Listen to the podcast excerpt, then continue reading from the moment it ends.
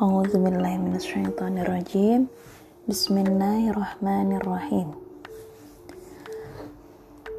Hmm, Kita akan lanjutkan dengan tanda-tanda kenabian dari buku Rasulullah SAW Teladan Utama yaitu Rasul seluruh alam pembawa kebenaran yang hakiki. Hari berlalu, musim pun berganti. Kini Usia Muhammad sudah 12 tahun. Pagi itu, beliau akan berangkat berdagang bersama kafilah pamannya menuju negeri Syam. Setelah semua persiapan selesai, rombongan berangkat. Rombongan berjalan beriringan menuju Syam. Mereka mengendarai unta. Perjalanan ke Syam cukup jauh.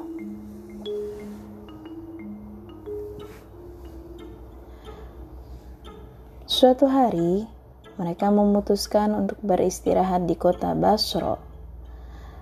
Mereka beristirahat dekat tempat tinggal milik Buhairo. Buhairo adalah seorang pendeta. Pendeta di sini, pendeta Alkitab ya. Ketika mereka beristirahat, Buhairo mendatangi mereka. Tuan-tuan yang terhormat, sudilah kiranya Tuan mampir ke rumah kami. Kami telah menyediakan hidangan untuk semuanya. Ajak Buhairo. Sebenarnya, Buhairo ini tidak pernah menjamu para pedagang yang melewati tempat tinggalnya. Tapi, hari itu Buhairo teringat akan kitab suci agamanya. Dalam kitab itu, tertulis bahwa akan ada kafilah dagang dari Mekah yang beristirahat di dekat tempat tinggalnya. Dalam rombongan itu, ada anak yang memiliki tanda kenabian.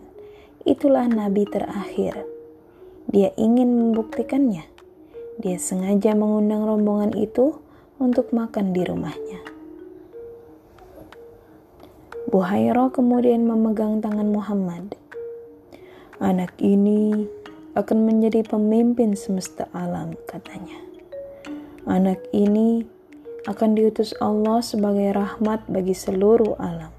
Lanjutnya, mendengar apa yang dikatakan Buhairo, Abu Talib terbelalak.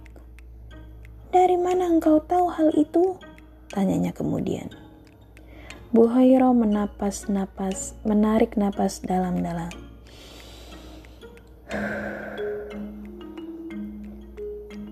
Perlu kalian ketahui, Sebenarnya, sejak kalian tiba di Akobah, bebatuan dan pepohonan tunduk bersujud. Abu Talib semakin terbelalak. Bahasa kitanya mungkin melotot gitu ya. Batu dan pohon tidak bersujud kecuali kepada seorang nabi. Buhaira meneruskan kalimatnya. Aku juga bisa mengetahui dari cincin kenabian yang berada di bagian tulang rawan bahunya. Bentuknya menyerupai buah apel. Tanda-tanda itu ada di dalam kitab kami, tuntasnya. Buhairo bertanya segala hal yang berkaitan dengan kehidupan Muhammad. Muhammad pun menjawab semua pertanyaan Buhairo dengan sopan. Bolehkah saya melihat punggungmu, wahai anak muda? Tanya Buhairah mengakhiri pertanyaannya.